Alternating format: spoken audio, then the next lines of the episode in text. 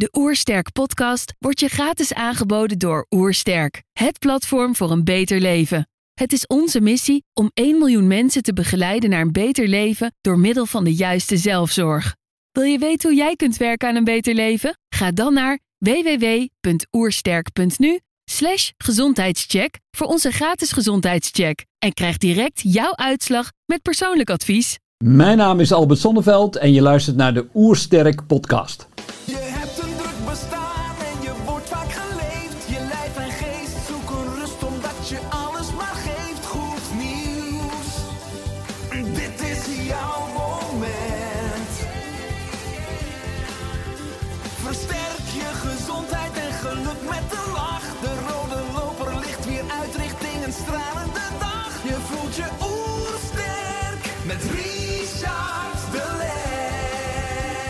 Zijn hier in Heemskerk voor een podcast met Albert Sonneveld.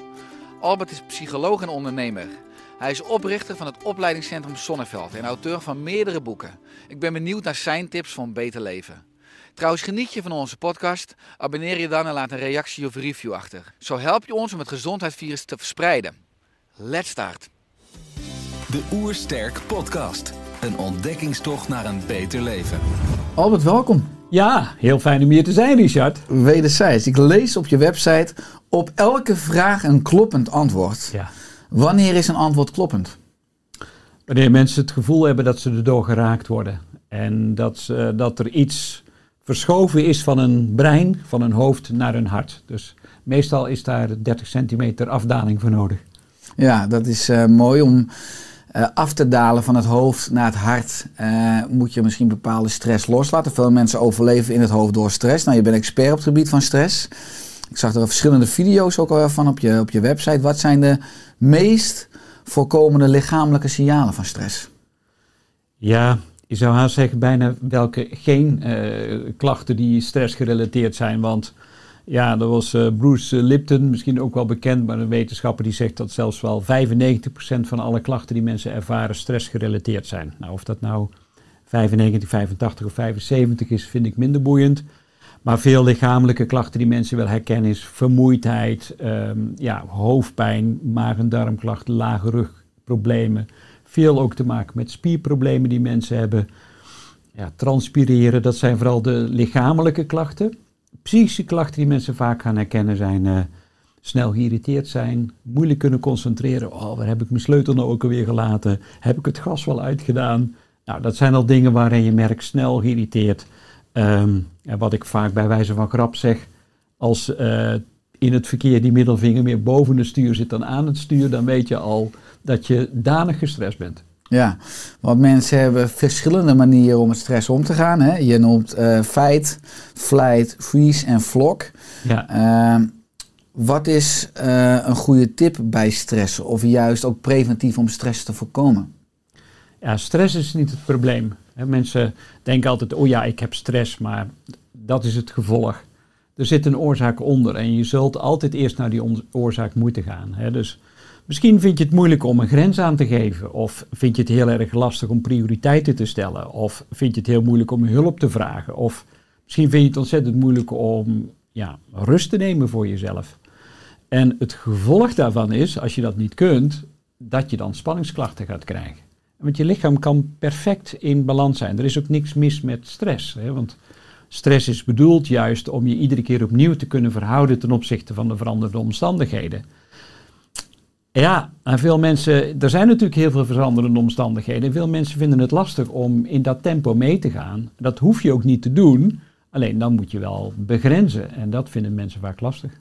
Ja, dus stress zou je kunnen zien als een eindstadium van alle dingen die je overdag kiest. Hè? Je keuzes. En die Ja. keuzes zijn natuurlijk weer gebaseerd op hoe je als mens of als kind bent geprogrammeerd of geconditioneerd. Dus je moet eigenlijk terug het leven in om, om vaak effectief stress in het heden te kunnen aanpakken. Ja, je hebt drie stappen om het aan te pakken, of, of om het op te lossen. Ehm eerst is bewust worden. En, en je zegt het al, ehm, je hoeft niet altijd heel diep te graven in het, in het verleden. Want voor mij is er alleen maar nu, dit moment. En in dit moment zie je al je patronen. De manier waarop wij deze podcast doen is ook al een weerspiegeling van hoe wij in het dagelijks leven zitten. En ehm, dus, dus word je bewust van wat is mijn gedrag, hoe verhoud ik me ten opzichte van mijn omgeving. Tweede stap die je te maken hebt is eigen verantwoordelijkheid nemen. En zeker in deze tijd hebben mensen nogal de neiging om iedereen de schuld te geven. De regering, corona, het, eh, nou ja, noem het allemaal maar op. Eh, de schoonmoeder, de baas, de partner. Maar jij bent het eh, die uiteindelijk zich de situatie aantrekt. Ehm, het gaat nooit over de situatie, maar hoe jij ermee omgaat. Kun je daar verantwoordelijkheid voor nemen? En dan komt de derde stap. En dat is betere keuzes maken. Want uiteindelijk, wat je al zei, zoals je hier zit, ben je het resultaat van alle keuzes die je tot nu toe hebt gemaakt in je leven. Nou, gefeliciteerd. dat heb je goed gedaan. Of niet. En als je daar niet tevreden mee bent, ja, zul je betere keuzes moeten maken. Ja, dat is mooi, want op jouw website staat jouw naam, hè, Albert Sonneveld. En daaronder staat leven zonder stress. Ja. Is dat mogelijk? Nee, is niet mogelijk. Eigenlijk zou er moeten staan leven zonder negatieve stress. Want we hebben ook stress nodig. Weet je, zo- deze podcast. Nou, ik weet dat je veel luisteraars en kijkers hebt. Nou, ehm, ergens is er toch iets van, nou, het lijkt me wel gaaf om zo goed mogelijk in beeld te komen. Dus daarvoor span ik me in. Dat geeft een bepaalde vorm van stress. Nou, ken ik jou, ken ik de situatie, dus mijn stresslevel zit niet op 100. Maar een bepaalde spanning om een prestatie te kunnen leveren is perfect. Iedere sporter, eh, iedere artiest, iedereen die een, een, een prestatie wil leveren, heeft die spanning nodig. Alleen als het chronische stress wordt, als het te lang duurt en je blijft erin hangen, dan is het bijzonder schadelijk voor je lichaam. Ja. Ja, dat is interessant, want je bent ondernemer. Jouw ouders waren ook ondernemers. Eh, En je zegt, ze hebben zich letterlijk en figuurlijk doodgewerkt. Ja. Je vader werd 63 en je moeder 66 jaar. Eh, ze hadden een ongezonde leefstijl en veel stress. En jij wilde dit voor jezelf veranderen. Je vader kreeg voor jouw ogen een hartinfarct. En het leefde je een trauma op. Waardoor je later besloot psychologie te studeren. Hoe kijk je terug op deze reis? een hele rijke reis. Hè. Dus als ik dit vertel tegen mensen, en veel mensen weten dat ook, ehm, ja, komt dat vaak schokkend over. Hè. Want je probeert je dan te verplaatsen. Hoe is het voor zo'n 17-jarige jongen die daar op die manier mee wordt geconfronteerd? Hè, om eh, voor, je, voor je ogen je vader te zien sterven. Maar uiteindelijk heeft het me zo'n rijk leven gegeven, want daardoor moest ik wel ehm, de vergankelijkheid van het leven onderzoeken. Hè, ik, ik ben me daar zo gaan realiseren, wow, het leven is wel super kwetsbaar, het kan zo afgelopen zijn.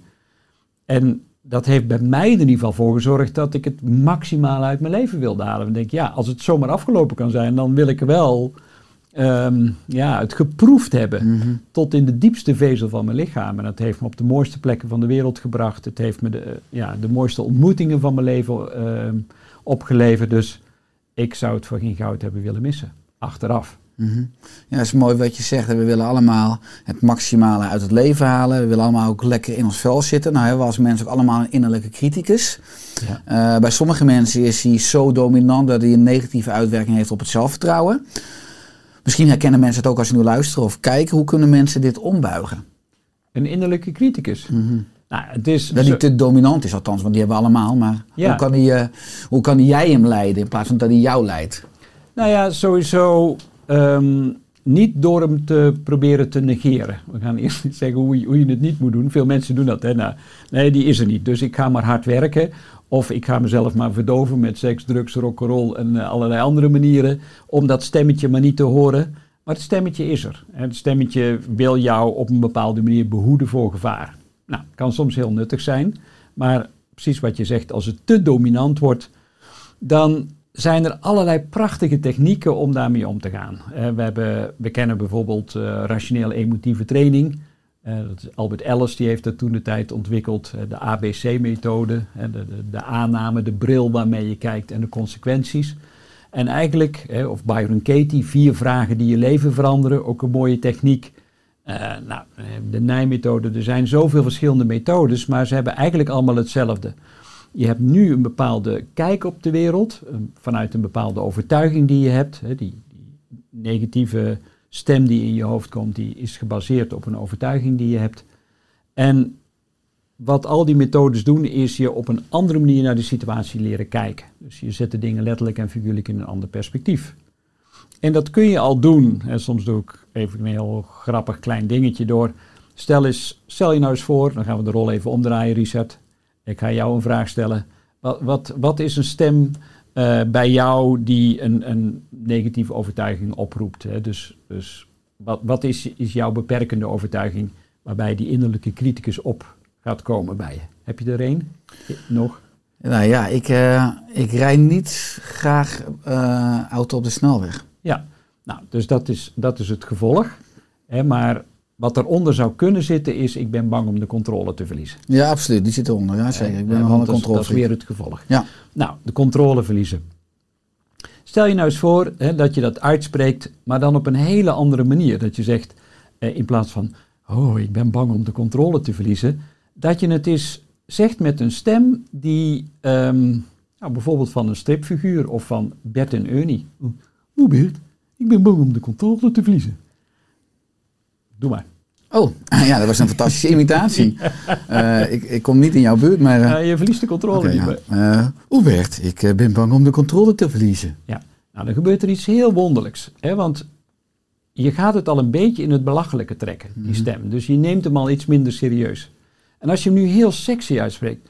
"Hmm, ik ben bang om de controle te verliezen. Hmm, ik ben bang om de controle te verliezen. ja, ja, dat is wel... Voel je? Of je zet hem op een langspeelplaat en je draait hem heel langzaam op. Oh, ik ben bang om de controle te verliezen. Nou, en dan eigenlijk ga je die stem die ga je steeds in een ander perspectief plaatsen. En dan natuurlijk registreer je die stem nog, want er is iets in jou, de, de observator, hè, die, die zich heel bewust is van die stem. Want jij bent die stem helemaal niet, dat is maar een onderdeel van jou. En die stem die wordt geobserveerd en die observator die gaat merken, hé, hey, ik heb er invloed op. Het is niet, die hoeft niet alleen maar dominant te zijn, het is maar een klein onderdeel van mij, een bepalend onderdeel. Maar als ik hem zelf kan beïnvloeden op een manier waarin ik er misschien nog veel relativerender naar kan kijken, deze hele kleine oefening, Mhm. is maar een manier, maar er zijn er tientallen, ehm, om de zaak letterlijk en figuurlijk in een ander daglicht te plaatsen, dan zul je merken, oké, dat wordt losser, vrijer. En dan gaat het over stress. Dan heb je weer het gevoel dat je een keuzemogelijkheid hebt. Ja, mooi. Want wat je eigenlijk doet, is dat je maar een andere bril geeft. Hè, waarmee Ja. je een andere perceptie krijgt van de situatie. Ehm, en dat vind ik ook echt jouw kracht. Want ook op je website staat er binnen 20 minuten ga je naar de kern van een probleem. Welke kernen zie je vaak bij mensen terugkomen? Bij mij zie je bijvoorbeeld dat het controleverlies, dat veel mensen dat zullen herkennen. Ja, dat was binnen 20, dat was eh, sneller Ja, dan dat was sneller dan eh, dat was 20 seconden van 20 minuten. Maar ik sta heel open, hè, dus ik ben ja, een ik weet makkelijke... het. Maar ja, goed, ook voor de luisteraars en de kijkers, dit hebben we niet van tevoren nee, gerepeteerd. zeker niet. Nee. Hè, dus, dus, ehm, en, en dat is wel een van de eerste dingen die ik altijd doe. Mezelf realiseer, daar waar mensen mee komen, is nooit waar ze in werkelijkheid last van hebben. Nooit ooit. En wat ik al zei, je zei mensen hebben last van stress. Dan zeg ik nee, daar hebben ze geen last van. Ze hebben last van om een grens aan te geven, prioriteiten te stellen, hulp te vragen. Jij zegt ik vind het spannend om op de snelweg te rijden. Ik zeg daar heb je helemaal geen last van. En er zit een reden onder waarom dat je dat doet. En ja, ik wil direct door naar de werkelijke reden. dus dat is controle. Dus je laat je niet met een kluitje in de riet sturen. Je wil, Nee. gaat dus niet eigenlijk in, die, Nee, in dat sprookje van mensen mee. Dan, nee ik ga nooit, want de mensen vertellen die verhalen 50 keer per minuut tegen zichzelf. En, ben zijn ik- zelf zijn geloven. Die, ja, die zijn zelf dat gaan is geloven. het. Ja. En, en ik, ik, ik ga er niet in mee, want daarin help ik ze niet. Het is juist voor mij om uit te zoomen, denken wat is hier werkelijk aan de hand. Mhm. En op basis van vragen stellen, ja, kom je wel een aantal kernovertuigingen tegen die altijd te maken hebben met verschillende vormen van angst. Angst om de controle te verliezen, angst om niet geliefd te zijn, is ook zo'n hele belangrijke angst. Angst voor tekort is Mhm. ook een angst. Nou, zo zijn er een aantal basisangsten en, en van daaruit Het zijn oerangsten als het ware. we komen toch weer terug bij oeren. ja, ja, het zijn oerangsten, want die had je ook nodig om te kunnen overleven. Eh, de angst voor tekort. Ja, als je ziet hoe er wordt gevochten om eh, de coronavaccins. Hè, van oeh ja, maar... eh, En wc-papier verleden ja, en, Ja. en is er nog wel wat voor mij? Dat, dat komt nog voort vanuit dat oude limbische systeem. Hè, dat ons moest eh, helpen om te overleven in het reptiele brein ook. Om ervoor te zorgen van, ja, dat, eh, ik, ik, ik moet kunnen functioneren. En als er dadelijk niks meer is, dan, eh, ja, dan, ga, je- dan ben ik dood. Mhm. Nou, dat, dat, daar moet je heel wat voor doen tegenwoordig in deze westerse maatschappij om te sterven van de honger. Maar ja, die diepe angst is nog wel aanwezig. Ja, mooi wat je zegt. We zijn de evolutie, eh, ook als je kijkt naar ons brein, is als het ware een soort blokkendoos. We hebben de hersenstam met de instincten. We hebben dat limbisch systeem eroverheen, onder andere met de amygdala, het angstcentrum. Daaroverheen die frontale cortex, wat ons mens maakt. Eh, maar we kunnen dus niet als een blokkendoos eh, bepaalde delen uit elkaar halen. Zeggen van dit deel is niet meer functioneel, halen we eruit en gooien we weg. Gaan we dus eigenlijk ten onder aan ons evolutionaire succes. Als je kijkt hoe we nu de, ja, de maatschappelijke leefomgeving inrichten. Dat het dus eerder leidt tot stress, omdat, we zo, omdat het niet aanstaat bij ons ontwerp. Ja, nou ja, ik, ik, ik, ik weet, uit, het moet blijken of we eraan ten onder gaan. Hè. We, we zoeken de grens wel op. Eh, maar laat ik zo zeggen, steeds meer, meer mensen zijn ongelukkig nu ook. Zijn Ja. angstig, zijn dik, zijn ziek. Dus ja. je ziet natuurlijk stress in allerlei vormen terugkomen. Ja. Ja, en daaraan merken we gewoon dat, ehm, ja, dat je eigenlijk wordt gedwongen of wordt uitgenodigd om letterlijk en figuurlijk op een andere manier naar je leven te kijken. Hè? Want je, je, je merkt dat de buitenkant je niet kan vullen met spullen. Rijmt. Hè? Je kunt je leven niet vullen met spullen. Ehm, ja, niet met voeding, in, in, met ongezonde voeding, met de quick fixes, de snelle oplossingen. Ja, de, de, werkelijke magie van het leven is dat je iedere keer opnieuw kunt kiezen en daardoor steeds beter kunt ontdekken wie je werkelijk bent. En daarna gaan leven en gaan, na gaan handelen. En dan zul je merken dat het leven je voortdurend wil ondersteunen als je maar trouw bent aan jezelf. En eerlijk blijft daarover. Ja, als je mensen begeleidt om ze bewust te maken van hun kern, mensen verantwoordelijkheid gaan pakken, de andere keuzes gaan maken, merk je dan dat veel mensen ook kiezen voor een, ik noem dat een simpeler leven, maar minder en beter. Dat ze heel veel afleiders, manoeuvres of copingmechanismes van drank, eh, seks, eh, compensatie dan veel minder nodig gaan hebben? Absoluut. Ja, ik, ik, ik, kijk naar mijn eigen leven. Ik heb, ik heb een heel rijk leven in, in alle opzichten. Ehm, en, en zeker toen ons gezin nog jong was, dan had ik het ook nodig. Een groot huis met een zwembad en drie badkamers. En nou, het, alles was er, hè, helemaal compleet. Een, een droomleven.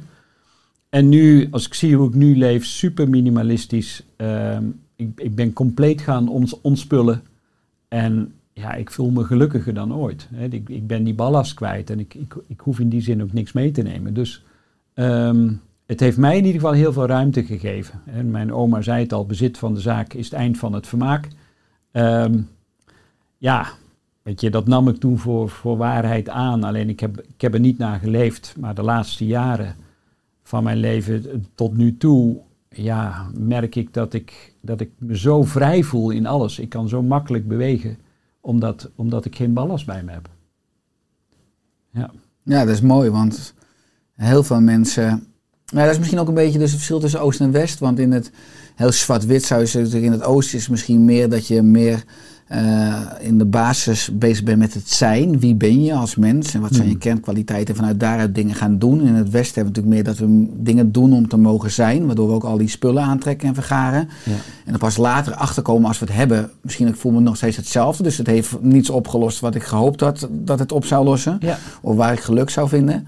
Eh, merk je dan ook bij de mensen die je begeleiden, die nou, veel meer op bepaalde vlakken minimalistischer gaan leven, omdat ze bepaalde ballast niet meer willen hebben? Ja, is lastig. Want mijn, mijn, eh, mijn klantenbestand zijn met name eh, wel eh, ondernemers die al wel heel veel geld hebben en, en ook heel veel spullen. Ja, want je bent al ruim 20 jaar trainer ook op de zakelijke markt, hè? onder andere bij veel beursgenoteerde bedrijven.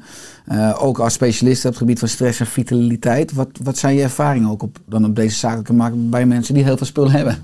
Ja, dat, dat die conclusie vaak is van wow, hè, nu heb ik dat gerealiseerd. Eh, In materieel opzicht hebben ze alles wat je maar kunt bedenken en dromen en zelfs meer dan dat.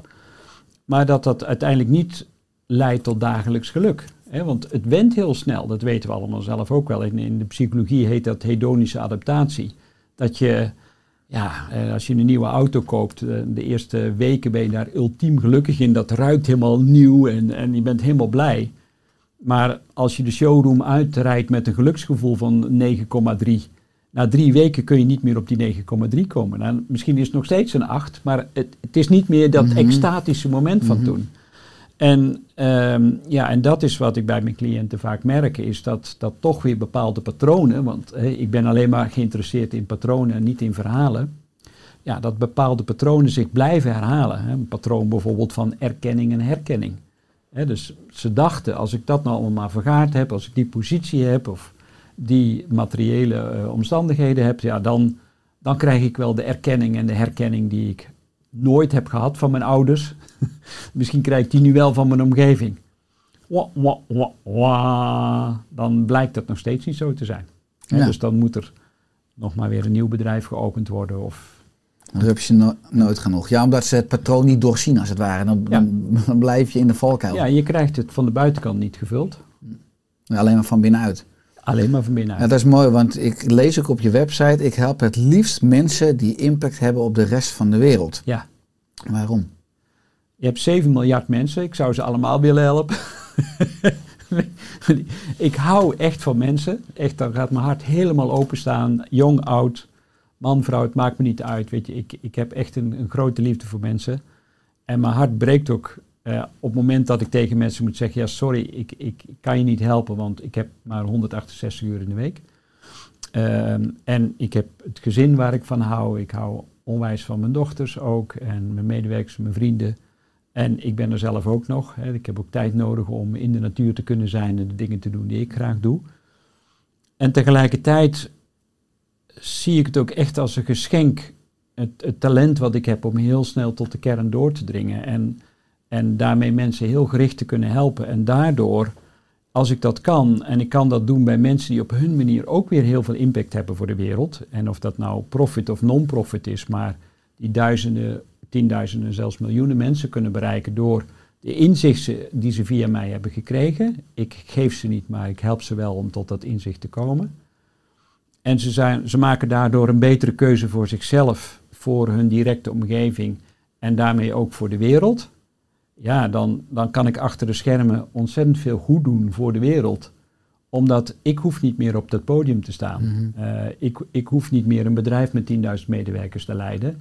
Dat doen die mensen.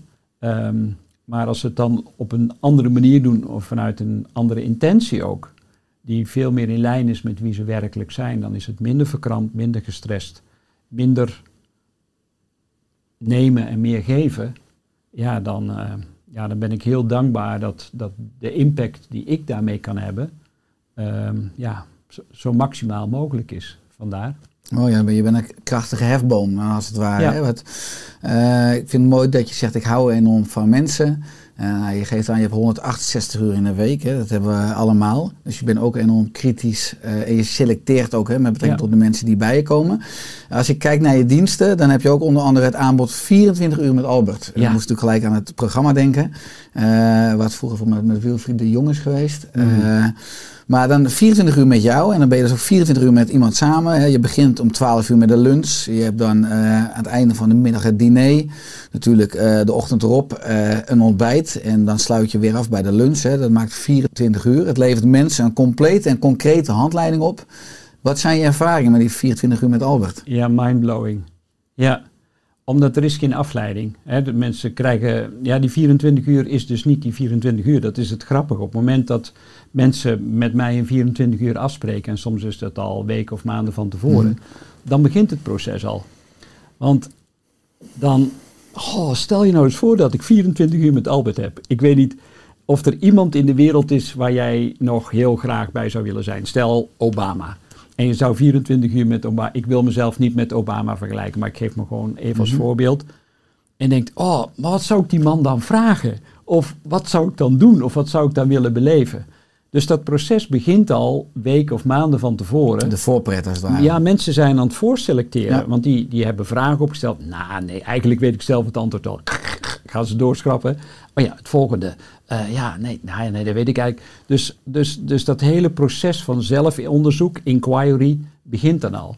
Dus, en dan ga ik mensen al vragen toesturen. Hè, dus van, bijvoorbeeld van wanneer zou je op het eind van dit traject tevreden naar huis te gaan, het eind van die 24 uur. Wanneer zou ik tevreden zijn? Wat is tevreden? Nou, dus, dus dat spel dat begint al. Dus die mensen zijn panklaar op het moment dat ze bij mij verschijnen met de lunch. Ja, en dan ja, die drie stappen die ik net had uitgelegd van bewust worden, eh, eigen verantwoordelijkheid nemen en, en dan betere keuzes maken. En vervolgens ook nog leren met die nieuwe bewustwording hoe ga ik dat nu vertalen naar gedrag de dag dat ik weer na die 24 uur aan de bak ben? Ja, dat, dat, is een, ja, dat is een heel concreet concept, omdat je, je kunt niet ontsnappen. De telefoon is weg, die wordt opgeborgen, daar kom je ook niet bij. Er is geen enkele vorm van afleiding, je zit in de natuur. Ehm, ja, ik heb, behalve dan, hem- er is acht uur slaap, hè, dat dan wel. Maar voor de rest heb ik mijn laserfocus al die tijd op je gericht, dus je kunt niet ontsnappen. Ehm, en ik heb geleerd om vooral naar de non-verbale signalen te kijken. Eh, ja, en eerst was ik nog wel eens een beetje eh, nou, behoedzaam. Maar tegenwoordig zit ik in een fase van mijn leven dat ik denk, ja, cut the crap. Gewoon, ik wil alleen maar eerlijkheid en duidelijkheid. Dus ik confronteer ook. Op een liefdevolle manier. Maar ja, je komt voor een spiegel, dan krijg je een spiegel. De spiegel is altijd eerlijk. Ja. Ja. Wat mooi is, is mooi. Wat niet mooi is, niet mooi. Dus Ja, en ik, heb, ik heb geen oordeel. Ik, Mhm. ik ga niet over mooi, wel mooi of niet mooi. Ik, ik, ik geef terug wat ik zie en het is aan jou of je dat herkent of niet herkent. Ja, want het is mooi natuurlijk dat eh, als je mensen spiegelt of patronen spiegelt en mensen aanspreekt op de kern van hun probleem of op hun essentie, eh, merk je dat vanuit zeg maar, die 24 uur mensen ook veel meer vanuit hun essentie gaan leven. Want natuurlijk, ik ben Ja. auteur van meerdere boeken, maar ook natuurlijk vooral over het aanspreken van waar word je echt enthousiast van, waar word je echt blij van. Ja, ja dat stuk. Je passie, hè? want Dat Ja. is natuurlijk een boek van je, ontdek je passie. Ja, ik, ik, eh, ik geloof zo in het feit dat, dat ieder mens naar de aarde komt met een bepaalde blauwdruk. En dat je een bepaald talentenleven hebt. Hè, nou ja, dat, zo is jouw leven, heeft zich ook ontvouwd. Hè. Ik, Mm. ik moet nog zo denken aan jouw verhaal met jouw, jouw liefde voor de dieren en de vogeltjes en, en, de, en de foyeres. En ik, ik zie het je ook helemaal doen. En natuurlijk is er veel veranderd in je leven, maar een aantal dingen die, die zaten er van jongs af aan in. En die, en die blijven. Hè. De liefde voor de natuur, het, het, het willen bijdragen aan gezondheid. Dat doe je tot in huizen avondrood, blijf je dit doen. Ja. Hè. En zolang als je dat maar blijft doen, eh, trouw blijft aan die blauwdruk, gaat het goed met je. Maar wanneer je te veel wordt afgeleid of ja, als je bekendheid krijgt. en, Oh, Richard, wil je meedoen in dit project? En eh, oh, wil je eh, samen met mij dit? Hè? En ja, en als je meegaat in die verleiding en je, en je verliest daardoor jouw authenticiteit. En daarmee ook je passie, met andere woorden, de vonk die je hebt op het moment dat je mensen kunt helpen, die raak je kwijt. Ja, dan kun je erop wachten, krijg je klachten. Hè, de, de, de mensen die burn-out raken. Eh, toen ik aan een Engelse professor vroeg, what's the reason why people get burned out? Toen zei hij, there are only two reasons. Reason one, they are living a lie. En reason two, they are compulsive helpers. En wat hij daar eigenlijk mee wil zeggen is, living a lie is, je leeft je passie niet meer. Je bent niet, je volgt je hart niet. Ehm, ja, je, je bent misschien heel sociaal wenselijk bezig, hè, maar als jij niet kiest voor jouw leven, wordt er voor jou gekozen, direct. Dus, dus kies, blijf trouw aan wie je bent. En compulsive helper wil zeggen dat je te veel bezig bent om voor een ander te zorgen. En je kunt onvoldoende zorgen voor jezelf. En dat is niet egoïstisch, maar als ik niet mijn workouts doe en mijn gezonde voeding eet en regelmatig in de natuur ben en mijn, mijn slaap pak. Nou ja, al de adviezen die jij natuurlijk ook in uw sterk hebt staan en in de andere boeken.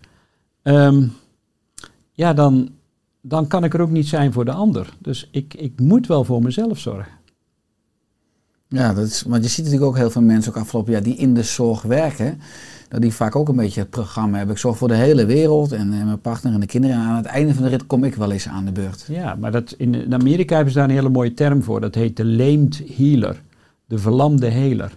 En dat is een bekend fenomeen. Gewoon compleet leeggegeven. En de man die dat antwoord gaf van what's the reason why people get burned out is Robert Lefevre. En die was hoofd van een eh, verslavingskliniek.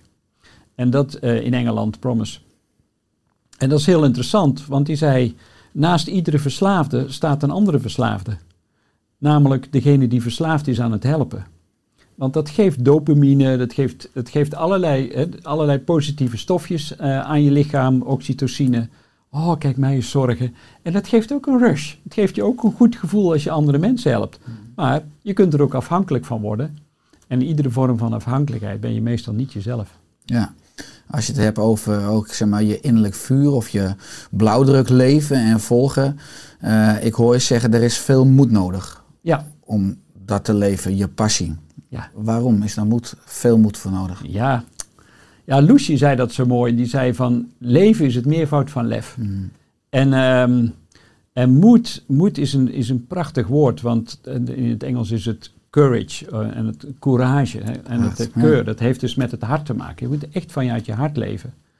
En passie, als je, als je dat, eh, zeg maar het oorspronkelijke woord van passie uit Grieks uit het Latijn, dat, dat betekent zowel aan de ene kant levenslust, maar we kennen ook ehm, levenslust, liefde, nou alles wat je maar bij passie kunt bedenken aan de positieve kant. Maar met Pasen vieren we ook altijd de Passion. En de Passion is het lijdensverhaal van Christus. Dus wanneer jij je passie gaat leven, gegarandeerd krijg je ook weerstand. Als je zegt, oh, nu weet ik zeker, eh, ik ga mijn bed and breakfast beginnen in Zuid-Frankrijk. Ja? Mhm. Maar gegarandeerd dat mensen zeggen, ja, zou je dat dan wel doen? En eh, heb je daar het geld wel voor? En weet je wat je je gezin wel aandoet? En, nou, nee, weet je, want dit is voor mij, want ik, ik vind dat leuk om te doen. Ja, maar heb je dat programma al gezien? Ik vertrek, dat is alleen maar ellende. Nou, boem, boem. Dus je krijgt weerstand. Dus je hebt veel moed voor nodig om je passie te blijven volgen. Dus veel mensen volgen hun passie niet of ontdekken hun passie niet, tussen aanhalingstekens, omdat ze wel de lusten willen van de passie, maar niet de lasten. Eh, want je, je, je stort jezelf in het onbekende. Als je je passie gaat leven, dan leef je echt vanuit eerst geloven en dan zien. Maar veel mensen draaien het om. Die willen eerst zien, hè, als ik nou maar eenmaal dat resultaat bereikt heb, of de staatsloterij heb gewonnen, of als maar eenmaal uh, die bonus heb gekregen, ja, dan ga ik er wel aan beginnen. Het leven zit net andersom in elkaar, Mooi. Ja. vanuit mijn optiek. Ja, dat ben ik met je eens. Dat komt ook terug in een van je vijf boeken. Hè? Ontdek je passie. En er staat onder, en realiseer met succes jouw grootste dromen. Ja. Ook als mensen nu luisteren of kijken en denken, ja chips, het gaat ook voor een deel over mij. Mijn leven is misschien ook voor een deel een leugen, hè? om eh, een van de twee afslagen te pakken. Wat zou een eerste stap zijn om je passie te ontdekken, maar ook veel meer daar stappen op te durven maken? Ja, het is, weet je, het is, het is zo simpel. Mensen maken het te groot. Eh, als het gaat over, oh, mijn passie, dat moet altijd iets groots zijn. Ehm, maar misschien heb je wel een passie voor koken. Noem maar even wat. En dan misschien is je droom uiteindelijk dat je een restaurant wil hebben. ehm, op een mooie plek. Maar het gaat niet over dat restaurant. Net zoals dat het gaat niet over stress, het gaat niet over de snelweg, het gaat ook niet over het restaurant.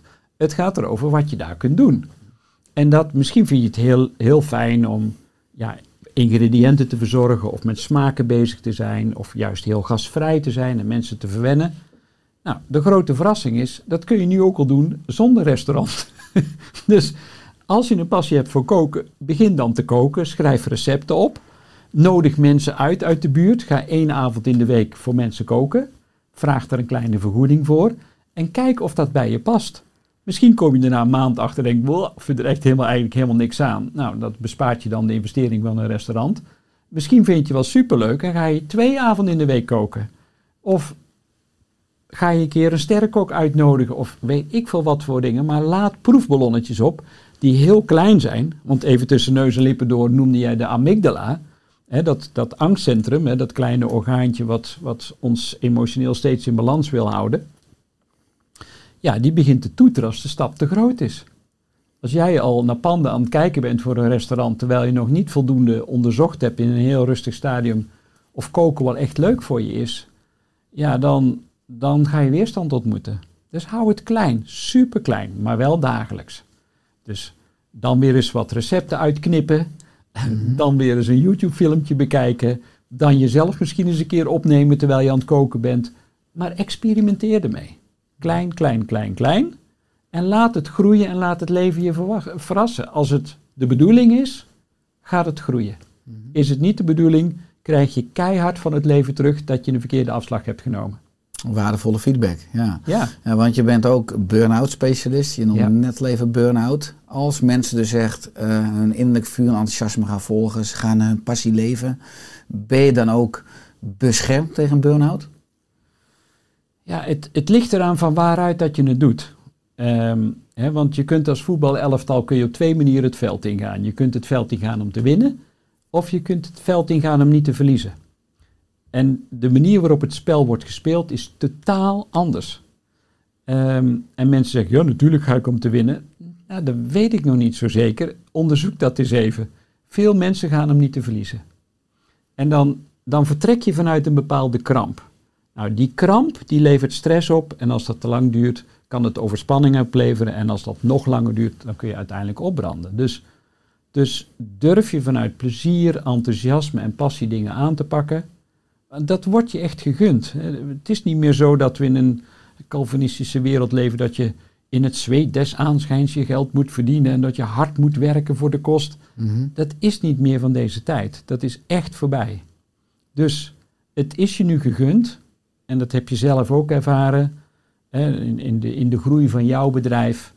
Het, het is pas echt gaan groeien op het moment dat, je, dat het makkelijk was, in de flow kwam, de juiste mensen ging aantrekken. Je, maar niet door er. Natuurlijk moet je wel energie erin stoppen, maar niet vanuit de verkrampte manier, vooral vanuit plezier. Ja, ja, eens.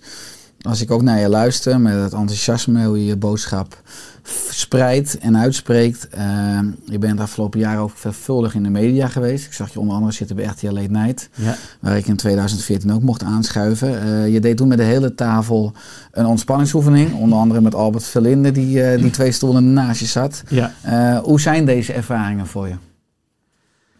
Ja, als ik heel eerlijk ben. ehm, ja, het was aan de ene kant kicken. Het was, hè, ik krijg altijd de vraag van, heb je nog iets op je bucketlist staan? En dan denk ik, ja, ik heb eigenlijk niet zoveel meer op mijn bucketlist. Maar dit was zo'n ding, weet je, in zo'n programma, wat, wat echt wel heel, toen de tijd heel veel... eh, miljoen mensen aan, miljoenen eh, die mensen, kijken, eh, ja. keken ernaar. Ja. En dat, aan de ene kant was dat kicken, maar goh, er zat zo'n belangrijke les voor mij in. Omdat, ehm, ja, het was nog een ego-dingetje nog. Ik, eh, ik merkte echt van, oh ja, erkenning, herkenning. Oh, hè, ik ben bij de RTL Late Night Show eh, geweest, bij Umberto Tan aan tafel. Nou, dat, dat, was, dat was wel iets. Maar ik was zo bang. En je ziet het niet in die uitzending als je de, als je de, eh, de, de aflevering terugkijkt, uitzending gemist. Je hebt hem ook op je website staan, dus anders had je hem niet op je website geplaatst. Nee, nee dat is helemaal Nee. leuk. En als je Ja? er naar kijkt, denk je, "Hé, Albert, waar heb je het over? Man, er, ik, ik zat daar vol met spanning, hyperventilerend, bang om op mijn bek te gaan. En, en dat is het ego-dingetje, weet je. Ik was de, de stress-expert, de psycholoog, de coach, de, de directeur van Zonneveld Opleidingen. Nou, de schrijver van zoveel boeken. Maar dat zijn, dat zijn allemaal identificaties. Mhm. En als er zo op je wordt ingezoomd en ik kijk een miljoen mensen live, dan denk ik, fuck, stel je nou eens voor dat ik door de mand val. En ik, ja, ik ben denk ik een eerlijk en een mooi en integer mens. Denk, wat valt er nou door de mand te vallen? Want als ik helemaal mezelf ben, is er niks aan de hand. Maar al die identificaties die daaraan vastkleefden, dat was een dingetje. Dus, dus ik denk, oh, maar stel je nou voor dat ik hier een hyperventilatieaanval krijg tijdens de live-uitzending en dat ik hier hyperventilerend neerval, dan staat er morgen met grote kop in de krant Albert Zonneveld, de expert op het gebied van stress en burn-out, valt hyperventilerend neer tijdens de uitzending bij Humberto Tan. En dan denk ik, oh, nou ja, alles mag er gebeuren, maar dit niet. Nou ja, dan krijg je het al, roze olifant. Ik ben niet neergevallen, maar ik kwam thuis. Ik zag scheel van de migraine. Ik moest rennen naar de wc-pot. Ik kon alleen maar overgeven. Van de, die spanning moest er gewoon uit. En ik had nu recent iemand gesproken die werkt op de redactie van eh Jinnik en Bo. En eh, oh Albert, het is een onderwerp en daar ben ik me in aan het verdiepen en ik wil jou graag naar voren brengen, ik wil jou graag in de uitzending.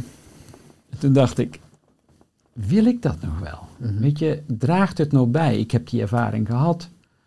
En wat me de meeste vrijheid heeft gegeven de afgelopen jaren is geen identificatie meer. En ik zit hier omdat ik, we zijn vrienden, we hebben een hele geschiedenis samen, ik vind het heel leuk en ik, ik, ik hou van om een enth- enthousiasme te delen, maar niet meer als de directeur van of de, de expert op. En natuurlijk, ja, weet je, dat is hoe ik nog gekend ben. Maar in mijn dagelijks leven is de meeste vrijheid gekomen doordat ik juist al die labels heb losgeweekt. Het liefst ben ik Albert, Mhm. die op deze planeet rondloopt en doet wat hij het liefste doet, is inspireren. Mhm. En de vorm, of dat nou een podcast is met Richard Telet, of een boek, of een podcast, of een tv-ding, dat zou me, ja, dat maakt me eigenlijk niks meer uit. Dus in die zin was de uitzending bij eh RTL Late ook heel waardevol om uiteindelijk weer het ego te doorzien en weer een stukje vrijer te worden. Nou, dat heb ik goed om, eh, goed om mijn oren gekregen. En ja, ik ben zo dankbaar voor die les ook. Zo, het heeft me zo geholpen in, in nederig zijn ook. En, en stoppen met afhankelijk zijn van erkenning en herkenning. Waardevol, herkenbaar ook. Want je noemt als zonneveldopleidingen, noem je je praktijk, namelijk groeide uit tot Zonneveld, hè, opleiders voor vitaal leven. Ja. Met zo'n 1600 studenten per jaar en ruim 70 docenten. Eh, je won in 2014, 2015, 2016, voor mij ook 2020, wat ik op Ja. de site zat, hè, de prijs voor beste opleider van Nederland. Hoe is dat om ook, om ook ja, op die manier eigenlijk erkend te worden? Dan kom ik toch weer terug op het thema.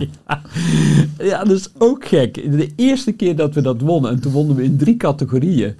Oh man, ik was euforisch. Ik had drie dagen daarna nodig om weer een beetje terug te komen op aarde. Ik was echt over de moon. En het gekke was de tweede en de derde keer. Dat is heel, bijna beschamend om te zeggen. Natuurlijk was ik blij en ik was heel trots op het team. Hè, de docenten en de mensen op kantoor die dat allemaal gerealiseerd hebben. Echt, echt top. Maar zelf minder. Ik, ik was wel een beetje pittig, pissig toen we een keer derde zijn geworden. Dat kon ik dan weer niet uitstaan. En ik, maar hoezo? Eh, dus, dus daar zit ook wel de- het verlangen in om te groeien. Ehm, en nu zijn we zeven jaar op een rij. Hebben, hebben we steeds in de top drie gestaan van beste opleiders. En dat is natuurlijk een hele mooie prestatie. Maar dat hangt niet van mij af. Dat is echt wel iets wat, wat de mensen eh, op kantoor en, en de docenten. En uiteindelijk ook de studenten die, daar, ja, die dat ook oppakken en daar de feedback op geven. Dat, dat zijn hun credits, maar die, niet die van mij meer. Ik heb, ik heb het gedachtegoed, het is de legacy. Eh, Ik ben 26 jaar geleden begonnen met de opleiding. Vanuit een, een verlangen om, om zoveel mogelijk mensen bewust te maken van een gezonde leefstijl. Nou, dat is, het is groter gegroeid dan dat ik ooit had kunnen bedenken. En daar ben ik eh, intens dankbaar voor. Ja, en dat is waar we nu staan. Is het ook hoe het universum werkt? Want je zegt het is groter geworden dan ik ooit had kunnen denken. Dan, ik ervaar heel erg in mijn eigen leven heel veel dingen die ik geforceerd heb of wat ik wilde is mislukt. Maar heel veel dingen die op mijn pad zijn gekomen zijn gelukt. Ik was ooit een keer op Nijrode bij eh, professor Paul de Blow. Ja, En die had zo'n mooie quote op zijn muur hangen. Ik kan het beste niet kiezen. Het beste kiest mij. En ik moet vaak Ja. nog, hij leeft helaas niet meer, aan Nee. die quote denken. ja, Eh, omdat ik ook zie in, eh, in mijn eigen groei en, en ontwikkeling dat het universum ook vaak die dingen presenteert waar de tijd rijp voor is. Wat ik helemaal niet cognitief had kunnen uitdenken. nee. Nee, zoals ik er naar kijk is dat er een groot verschil is tussen wat je wil en wat je nodig hebt. En heel veel mensen willen van alles. Hè? Dus eh, die willen een eh, digitale nomade leven waarin ze hè, op Bali met in, een, eh, in een hangmatje met de laptop kunnen werken. En wat ik ze van harte gun. Hè? Ehm, of ze willen, nou weet ik wat mensen allemaal willen. De belangrijke vraag die eronder zit, wat heb je nodig? En vaak heb je veel minder nodig. Of heb je veel essentiëlere dingen nodig dan weer dat, dat, die buitenkant. Hè? Je krijgt niet altijd wat je wil, maar je krijgt altijd wat je nodig hebt. En soms heb je lessen nodig, zoals ik die les bij Umberto Tan nodig had, om weer terug te komen in wat is nou de essentie van jouw leven. En ehm, je krijgt 100% wat je nodig hebt. En ik zou niet gefrustreerd zijn over de dingen die je niet wil, want, of hè, die je wil die je dan niet krijgt, Mhm. omdat jij kunt niet bedenken wat je wil. Je, dat- want dat denk je alleen maar vanuit ervaringen die gebaseerd zijn op, op situaties uit het verleden. Want je kunt nooit verder denken dan de basering, hè, de, de feiten die uit het verleden komen. En, en we weten allemaal, hè, dus, dus zaken die, winsten die gemaakt zijn in het verleden, zijn geen garantie voor de toekomst. Dus wanneer je een droomleven wil, hè, ik denk sowieso dat we in een wereld droom, dat we onze wereld dromen, constant. Maar als je echt een verlangen voelt, diep van binnen, hè, wat ook met je passie te maken hebt, en, en, je, en je gaat dat leven, iedere dag opnieuw. De formule is heel simpel. Dus leef ieder moment van de dag datgene waar je het meest enthousiast of gepassioneerd over bent. En, en dat mag heel klein zijn. Je zit hier omdat je hier geïnteresseerd, je bent nieuwsgierig naar je medemens, je vindt het leuk om te inspireren, dus dit leef je. Maar het is niet dit alleen. Er zijn nog andere kleine dingen die je vandaag gedaan hebt, of grote dingen. Maar als het maar een aaneenschakeling is van dingen waar je gepassioneerd over bent. En, en je doet dat binnen de mogelijkheden en de middelen en de mensen die je op dit moment tot je beschikking hebt. Hè, want dit is het nu. En, en als je daar nou tevreden mee bent, zonder dat je het eindresultaat wil afdwingen, want daar gaat het vaak fout. Je, je moet het, omdat jij het zo in je hoofd hebt. Ehm, je dwingt dat niet af en je kunt tegelijkertijd een positieve mindset houden. Ja, wat kan je dan nog gebeuren? Dan, dan ontvouwt het leven zich voortdurend. Hè. Dan hoef je geen pad af te leggen, maar jij bent het pad. Het, het, het ontvouwt zich constant. Ik werd uitgenodigd voor jouw podcast. Ik denk, ja, dat is interessant. Ik heb Richard al een hele tijd niet meer gezien. Leuk, we hebben een paar hele mooie momenten gehad samen. Ik denk, oh, leuk om weer te connecten. Nou, jij noemt de 24 uur coaching met Albert. Het, het zou zomaar kunnen zijn weer dat ik daardoor, door die ene opmerking, dat de luisteraars of kijkers zijn, zeggen, oh shit, is dat mogelijk bij Albert? Oh, dat ga ik eens onderzoeken. En, maar dat is iets wat, wat zich wel laat zien. Het is niet zo dat ik hier ga zitten en zeg van nou, eens kijken of ik zoveel mogelijk promotie kan maken. Want kijken of ik mijn omzetcijfers nog kan halen voor, voor dit jaar. Dat, daar ben ik helemaal los van. Ik ben heel nieuwsgierig hoe het leven, wat het leven voor mij in petto heeft. En ik ben heel dankbaar voor alles wat ik krijg. Ik krijg exact wat ik nodig heb. Ja, mooi als je de opmerking maakt dat heel veel mensen dromen. Eh, zeg je daar indirect mee dat heel veel mensen ook een illusie leven. En dat we aan de andere kant niet echt een maatschappij eh, hebben die mensen stimuleren te ontwaken. Mhm. Normaal, jij bent eigenlijk, je hebt enorm veel werk, omdat er aan de ene kant geen maatschappelijk instituut is die eh, jouw kwaliteiten ook, of het zit ook misschien niet voldoende in het onderwijssysteem. Dat mensen echt terugbrengen naar hun kern, naar essentie, patronen doorbreken. De meeste mensen komen daarna, dat is misschien ook een aanname, maar te laat in het leven gaan ze daar pas mee aan de bak. Het zit niet echt eh, ingebed in maatschappelijke structuur. Nee, ja, toen een van de boeken die ik heb geschreven is Kiezen vanuit je hart. Nou, ik denk als er iets is wat je kinderen mag leren, is hoe kies je nou eigenlijk? Mensen hebben, hebben geen idee. Die, die, ja, we leren rekenen en taal en geschiedenis en aardrijkskunde, maar het allerbelangrijkste in je leven is, eh, ons grootste geboorterecht is dat we een, een keuzemogelijkheid hebben. Eh, een vrije wil. En, maar dat wordt niet geleerd. En dan komen die kinderen komen van de middelbare school af en dan kunnen ze een vervolgopleiding kiezen. 2000 verschillende soorten vervolgopleidingen zijn er tegenwoordig in Nederland. Denk, ja, maar hoe dan? En, en dan komt de eerste grote frustratie al. Hè, die jongeren die komen dan in zo'n vervolgopleiding terecht, een HBO of een MBO-opleiding. En 60% van die jongeren is binnen een jaar gestopt, omdat ze een verkeerde keuze hebben gemaakt. Ja, waar was die keuze op gebaseerd? Ja, eh, mijn vriendin ging daar naartoe, dus dan ga ik ook. of ja, dat is wel praktisch. Met de trein kan ik thuis blijven wonen. Maar dat heeft toch niks met je passie te maken? Eens, ja. Het mooi hoe je dat psychologisch aangeeft. Hè. Met Tony Lorbach eh, heb je de Psychologie van Succes podcast. Een aanrader trouwens, leuke inhoud, droog, ook veel humor. Jullie zijn beide enorm aan rem. Eh, met veel boeiende onderwerpen, waaronder zag ik een stop, eh, stoppen met piekeren. Ja. Hoe doe je dat? Ja, dus dat, dat is zelfs een, een, een hoogleraar, in, volgens mij is hij nu met Emiraat, maar ehm, eh, die, die over, over piekeren heeft, heeft echt gewoon een hele studie gemaakt ook. En het komt een beetje in de hoek van de innerlijke criticus. Eh, waar komt piekeren vandaan? Eh, piekeren is, is de neiging van ons hoofd, van ons brein, om controle te houden op de situatie. En weer, piekeren is niet het probleem. piekeren is het gevolg van het feit dat je een aantal dingen hebt gecreëerd in je leven waarvan je het gevoel hebt dat je ze niet onder controle hebt. Hm. En, en dat, misschien wel het allerbelangrijkste, is dat je eens heel eerlijk gaat inventariseren. Wat heb ik voor mijn gevoel in mijn leven niet onder controle? Waar ben ik bang voor? Waar, waar voel ik me bedreigd? Want in feite, als we weer helemaal teruggaan in de stam van onze hersenen, is, er, is het pluis, is het niet pluis. En als je een aantal situaties in je leven hebt waar jij je niet pluis voelt, dan gaat hè, de ultieme escape, dus maar de, de schietstoel is richting het brein. En daar proberen met eindeloos veel scenario's bedenken in je hoofd. Denk, hoe kan ik het hier wel veilig krijgen? Daar ga je het niet vinden in je hoofd. Wat, wat nodig is, is het lef, daar heb je het weer. De moed om keuzes te maken om die bedreigde situatie, wat het ook is. Voel je je bedreigd in je relatie? Voel je je bedreigd door je schoonmoeder? Voel je bedreigd door je baas? Of voel je bedreigd door wat dan ook? Pak het aan. Handel ernaar. Kijk het monster in de bek en doe er iets mee. Want je, je kunt tot in Sint-Jutemus blijven piekeren totdat je er echt ziek van wordt. Hè.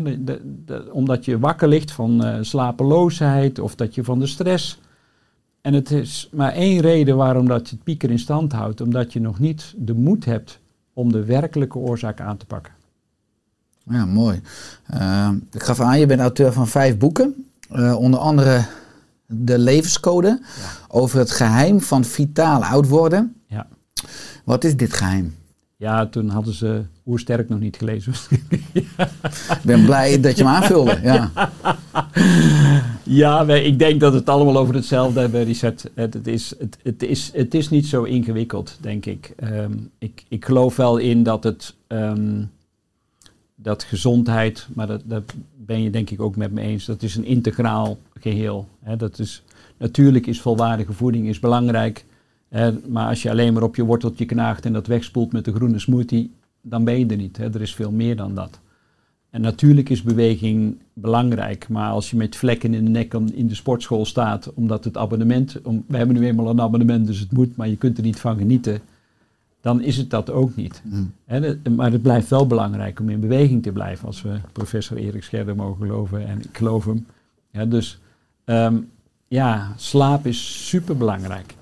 Um, en we zijn de afgelopen 20 jaar 1 uur en 20 minuten minder gaan slapen. Uh, en terwijl we wel meer prikkels hebben gekregen. Dus het is juist nog meer van levensbelang dat je goed slaapt. Maar dat zijn de meetbare factoren in de levenscode. Hè. Dat zijn de objectieve factoren we, kunnen voeding meten, we hebben wat er een calorie ingaat en wat we verbranden. We, kunnen beweging meten met de stappen tellen, we kunnen slaap meten. Uh, maar bij mij in de levenscode ben ik er juist achter gekomen dat die niet meetbare factoren een nog veel grotere uh, invloed hebben op onze levensverwachting. En op onze levenskwaliteit en, en vitaliteit. En dat heeft te maken met die positieve mindset. We weten gelukkig steeds meer in de relatie tussen de lichaam en geest, met name op de Universiteit van de Psychoneuroimmunologie, dus de relatie tussen de psyche en ons immuunsysteem. Nou, dat is gewoon spectaculair wat we aan het ontdekken zijn. Zeker in de coronatijd. Het is heel fascinerend om te kijken. Goh, we weten steeds meer waarom dat mensen ziek worden, maar het is nog interessanter om te kijken. Goh, maar als de er zijn ook mensen die met dat virus in aanraking komen en er niet ziek van worden. Wat, wat, wat is daar aan de hand? Wat, is dat milieu blijkbaar zo in balans dat het virus daar geen grip op heeft? En wat is de invloed van de psyche erop in relatie met het immuunsysteem? Nou, heel fascinerend. Een andere belangrijke pijler in de levenscode is, is de kracht van sociale contacten. En nog niet zo lang geleden was er een Duitse professor die zei: eenzaamheid is net zo schadelijk voor onze gezondheid dan het roken van 15 sigaretten per dag. Wow.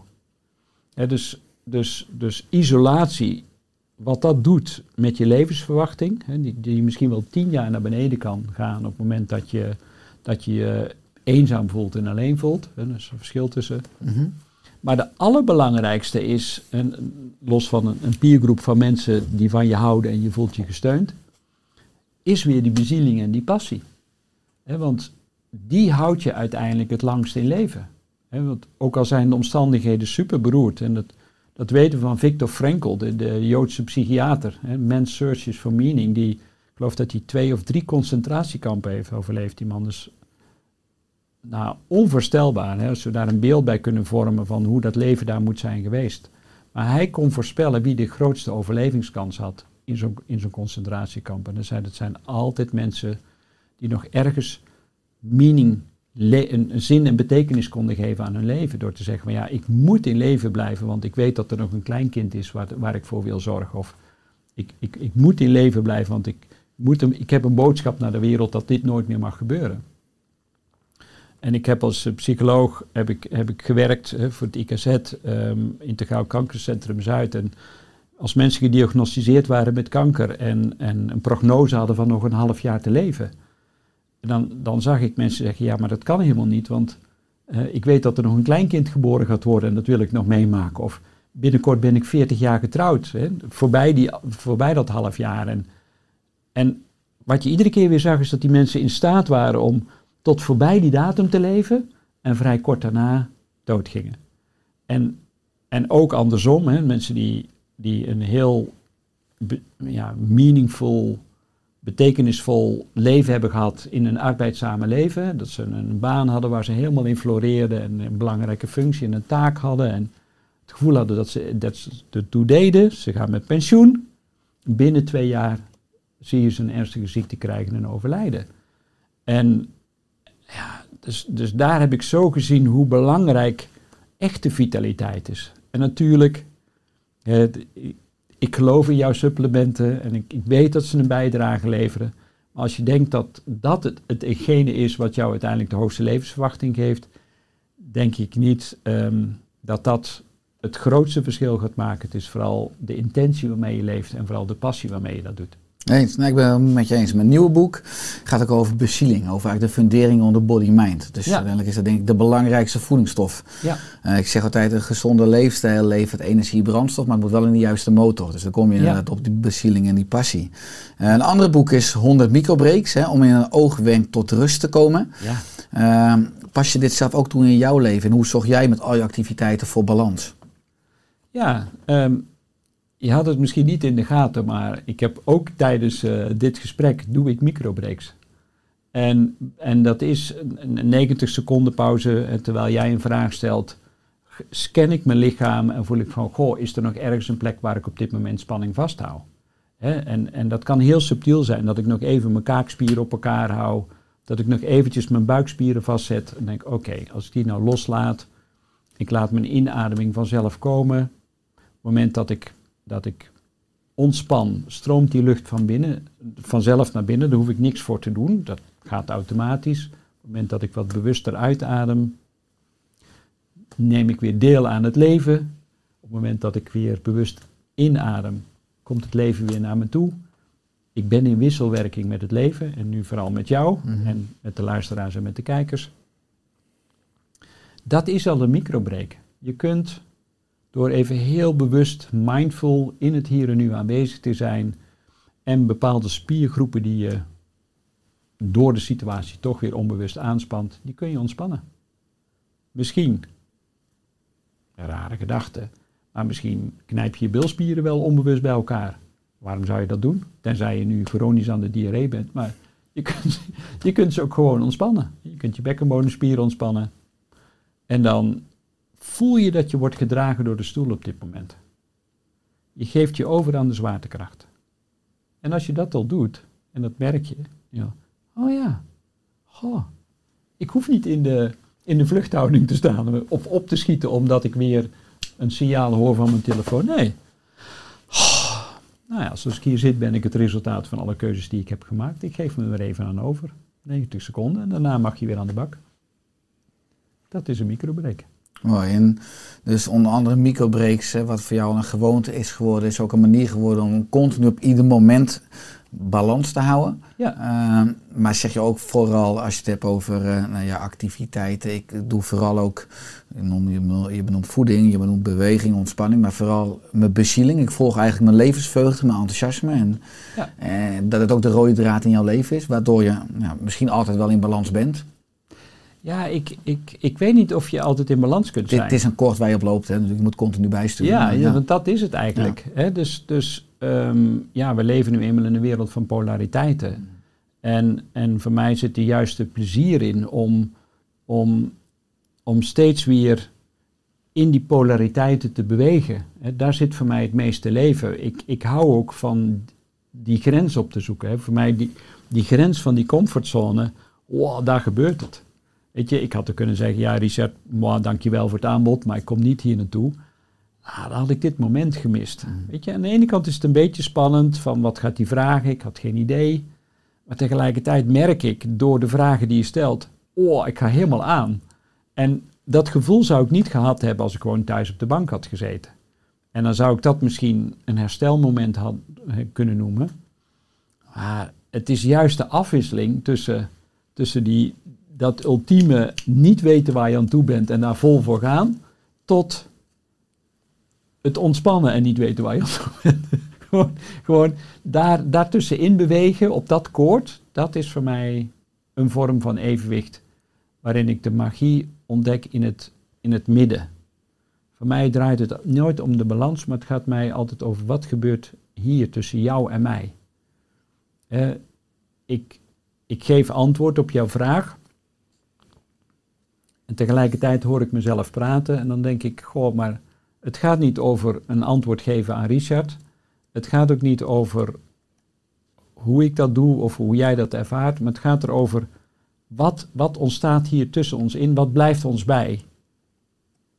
Over een jaar of over twee jaar, dan zijn het niet meer de woorden die ik verteld heb, maar er was iets van, ik weet niet, er was iets van magie Mhm. op die middag tussen jou en mij. En dat, dat gemeenschappelijke waar wij samen uit putten, hè, dat, dat is even een, een bijbeltekst, maar daar waar twee of meer mensen in mijn naam tezamen zijn, zal ik in het midden zijn. Dat die meerwaarde die er ontstaat tussen ons in, oh, dat vind ik zo'n magisch gebied. Daar wil, ik, daar wil ik graag zijn. Herkenbaar. Als je het hebt over ook dat magische kort, ook richting de toekomst. Wat is je droom of je missie voor de komende jaren, als je die hebt?